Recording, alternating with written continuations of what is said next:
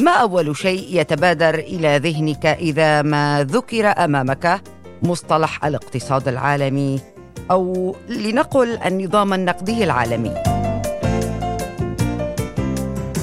الدولار صحيح؟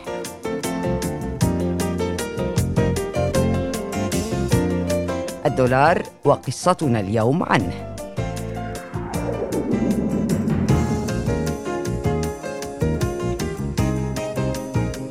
حكاية سيطرة الدولار بدأت من بريتن وودز من ولاية نيو هامبشير الأمريكية.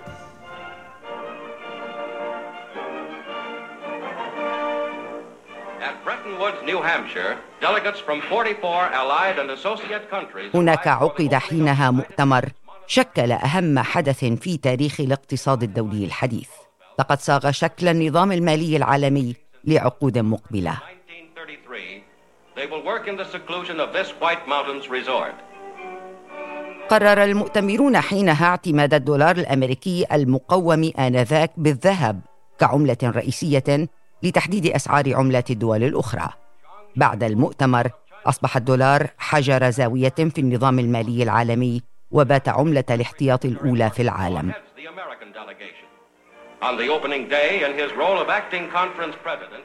وعلى مدار ثمانين عاما تربع الدولار على عرش العملات العالمية المقدر عددها بنحو 180 عملة حول العالم لكن قوته تواجه اليوم تحديات مهمة.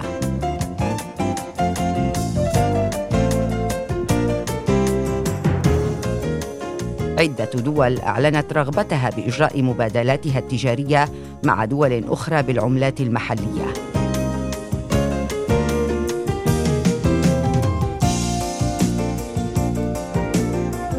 بودكاست زوايا.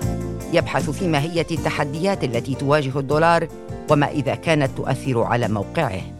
أنا انتصار يونس ويرافقني في هذه الحلقة الزميل معاذ فريحات الذي أعد لموقع الحرة بحثا عن الموضوع تحت عنوان كيف يتحكم الدولار الأمريكي بالنظام المالي العالمي.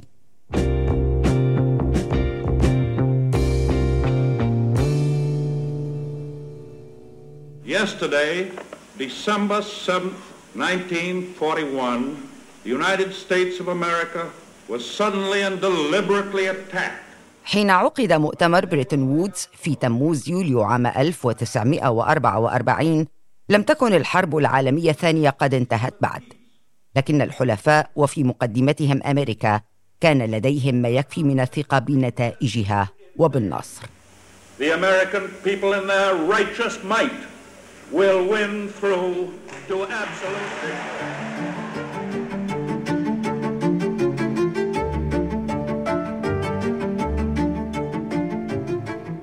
اجتمعت وفود 44 دولة في نيو هامبشير تناقشوا على مدار 21 يوما في كيفية إطفاء 30 عاما من الحرائق على المسرح الدولي.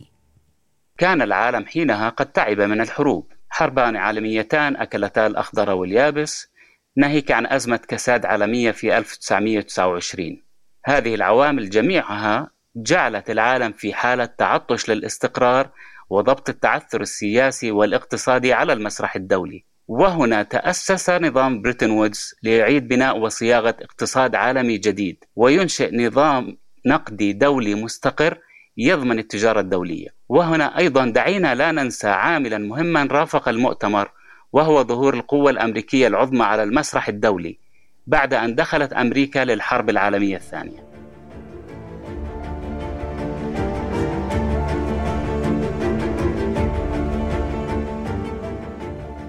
اعتمد مؤتمر بريتن وودز إنشاء مؤسستي البنك الدولي وصندوق النقد الدولي والأهم أنه اعتمد الدولار الأمريكي كعملة رئيسية لتحديد أسعار عملات الدول الأخرى. كان الدولار حينها مرتبطا بالذهب عند سعر 35 دولارا للأونصة. هنا تماما نستطيع القول أن رحلة ارتباط النظام النقدي العالمي بالدولار قد بدأت بعد أن كان مرتبطا بالذهب والجنيه الاسترليني. ولنقل باختصار بريتن وودز ربط اقتصاد العالم بالدولار المقوم بالذهب. يعرف معيار الذهب بأنه نظام نقدي تربط فيه عملة الدولة الورقية مباشرة بالذهب. يعني في حينها إذا كان سعر الذهب هو 35 دولار للوقية أو الأونصة فكان يفترض أن تكون لدى الحكومات أو الجهات المسؤولة عن النقد احتياطات من الذهب تساوي قيمة الدولارات الورقية المتداول.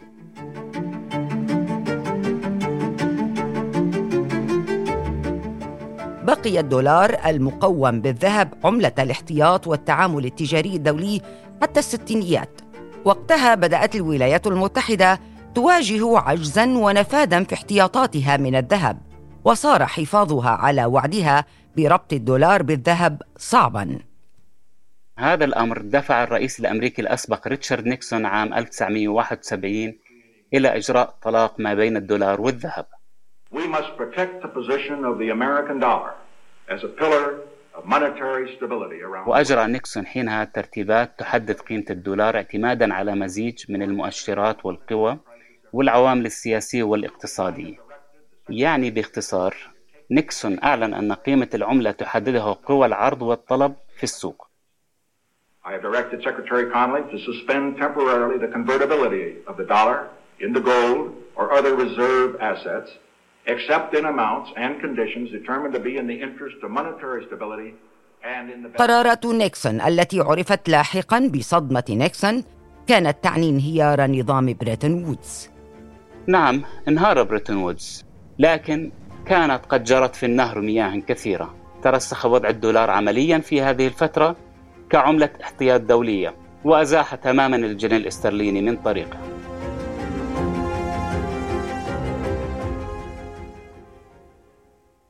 قوة الاقتصاد الأمريكي وحيويته مدعوما بقوة عسكرية كبيرة عززت موقع الدولار دوليا إضافة إلى تطور بارز حصل في السبعينيات أدى إلى ترسيخ هذه المكانة.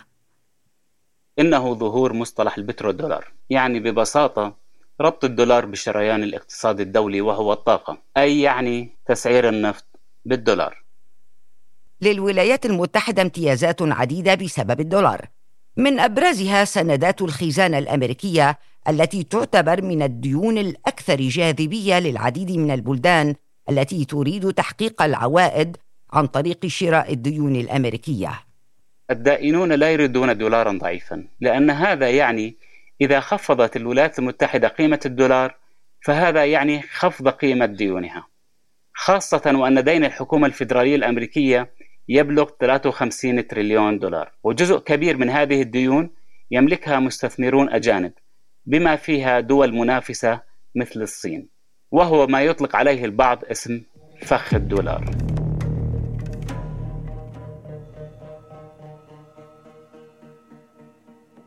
حاليا هناك 65 دولة تربط عملاتها المحلية بالدولار الأمريكي وحصته من الاحتياطات الأجنبية حول العالم لا تزال الأعلى.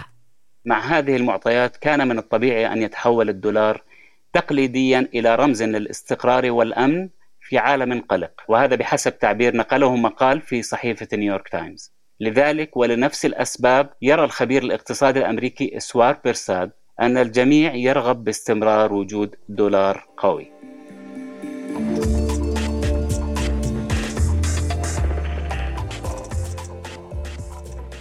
ربما هذا ما يريده الجميع لأن عالم المال والتجارة كما نعلم يفضل الاستقرار. ولكن تنامي القوة الاقتصادية للصين في العالم. ألا يهدد قوة الدولار؟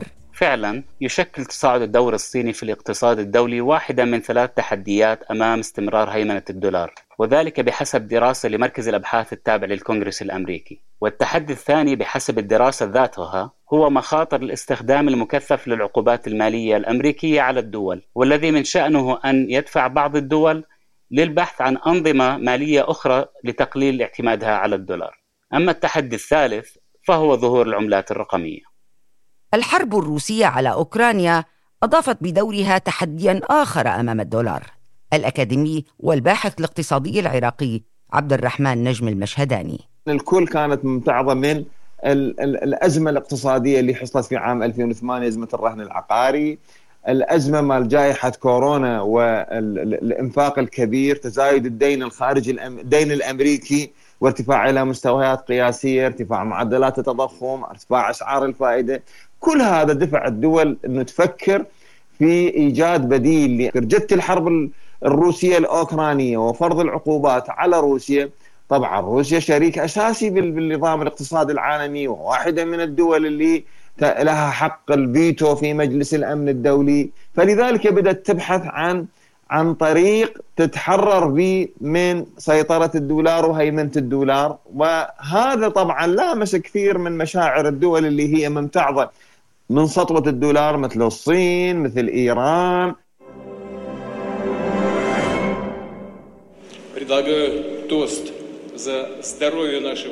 في القمة الأخيرة بين الرئيسين الروسي فلاديمير بوتين ونظيره الصيني شي جين بينغ في الكرملين.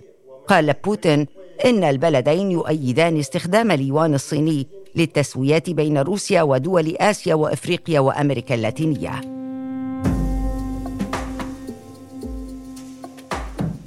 جملة لاقت صدى مدويا في إعلام أمريكا.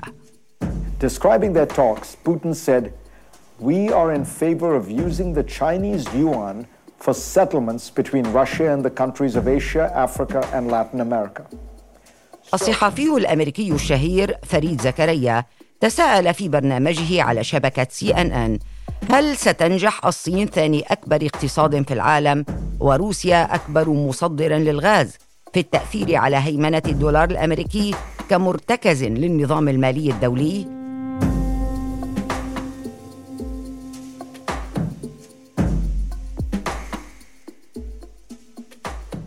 بعد الحرب الروسية على أوكرانيا اتفقت البرازيل والصين على استخدام عملتيهما المحليتين في التبادل التجاري فيما بينهما بدلا من الدولار. كما أن التبادل التجاري بين روسيا والصين بالروبل واليوان ازداد ثمانين ضعفا منذ بدء الحرب بحسب تقرير في موقع أويل برايس وتعمل روسيا وإيران معا أيضا لإطلاق عملة مشفرة مدعومة بالذهب البرازيل والأرجنتين أكبر اقتصادين في أمريكا الجنوبية ناقشا بدورهما إنشاء عملة مشتركة لهما. كذلك تجري الإمارات والهند محادثات لاستخدام الروبية في تداول السلع غير النفطية في تحول بعيد عن الدولار. فهل يعني هذا أن المواجهة بين العملات الدولية وفي مقدمتها بين اليوان والدولار قد بدأت؟ يعني أنا أستبعد تماما هذه المواجهة، الصين غير قادرة على مواجهة الدولار الأمريكي، الصين لحد هذه اللحظة تريد إيوان ضعيف حتى تستمر تجارتها العالمية بكل دول العالم. والدليل على ذلك إنه أكبر احتياطيات من الدولار تمتلكها الصين. وأكبر استثمار في سندات الخزانة الأمريكية للصين للبنك المركزي الصيني إلى عام 2017 الصين ما كانت تريد من صندوق النقد الدولي يكون الإيوان عملة آه، من العملات القيادية، كانت أصلا تستبعد إنه يكون عملة قيادية.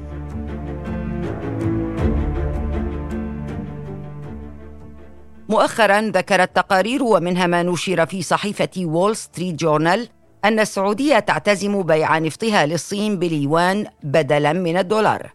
تطور في حال حدث سيمثل حرب عملات ويؤثر بحسب خبراء اقتصاديين أمريكيين في تماسك قوة الدولار كعملة احتياط دولية استنتاج لا يبدو منطقيا بالنسبة للمشهد الآن أنا أعتقد أن الولايات المتحدة الأمريكية لن تسمح لدولة نفطية أن تبيع نفطها بغير عملة الدولار. ابدا لن تسمح. السعودية يعني شوف نفوط السعودية ما تباع إلى دولة واحدة فقط حتى ممكن يكون التبادل مع الصين بالايوان الصيني. هي تبيع إلى دول العالم المختلفة. وبالتالي كل دول العالم عدا ممكن الصين ممكن إنه الشراء راح يكون بالعملات بالدولار. لنفرض هسه الآن السعودية تبيع نفط إلى مصر، هل تقبل التبادل بالجنيه المصري اللي هو متراجع يوميا؟ هل تبيع إلى تركيا بالليرة التركية اللي أصلا تتراجع بشكل يومي؟ أنا أعتقد إنه هذا يعني جزء من الضغط السياسي على الولايات المتحدة الأمريكية، جزء من الضغط.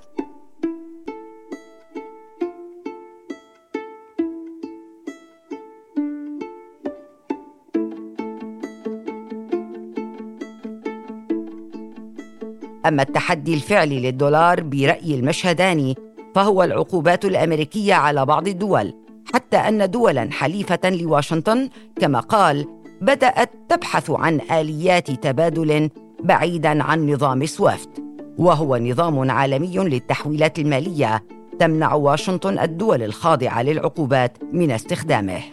الدول اللي تتضرر من العقوبات تحاول تبحث عن بديل مثلا العقوبات المفروضة على إيران ما استطاعت أن تحشد الدول الحليفة معها لفرض العقوبات على إيران. والآن أيضا مع روسيا أيضا ما استطاعت أن تجيش دول العالم الحليفة لها في اتخاذ العقوبات على روسيا. ولذلك تشوفين التأثيرات السلبية. هذه العقوبات الاقتصادية طبعا ممزوجة بطابع سياسي هي اللي بدأت وتدفع الدول تفكر إنه كيف تتحرر من هذه السطوة لأنه كل دول العالم الأخرى بدأت تفكر إنه هي ممكن أن تكون الدولة التي ستشملها العقوبات لاحقا. لكن البروفيسور أبراهام نيومان من جامعة جورج تاون يقلل من التأثير المحتمل للعقوبات على شعبية الدولار وسطوته الاقتصادية يقول نيومان وهو متخصص في الأنظمة المالية الدولية إن قوة الدولار مصدرها ليس سياسيا لكي يتأثر بشدة بقرارات سياسية بل إن قوة الدولار في أنه يمثل نظاما ماليا تطور بشكل عضوي على مدى عقود أجمع خلالها المستثمرون على كونه خيارا مثاليا.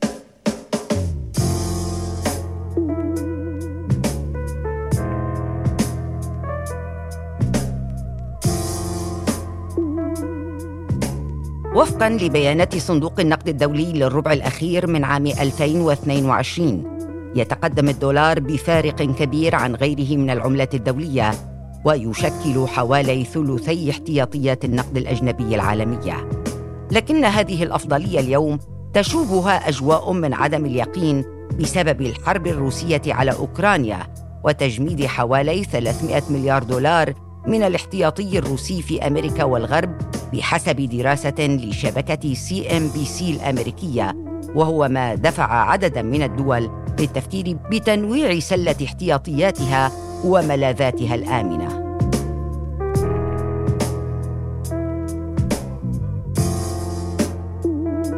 رغم ذلك يستبعد محللون اقتصاديون أن تزول هيمنة الدولار في المستقبل القريب فالعملات المنافسة له ضعيفة. والبديل غير متوفر وهو في المحصلة لا يزال متربعا على عرش العملات الدولية.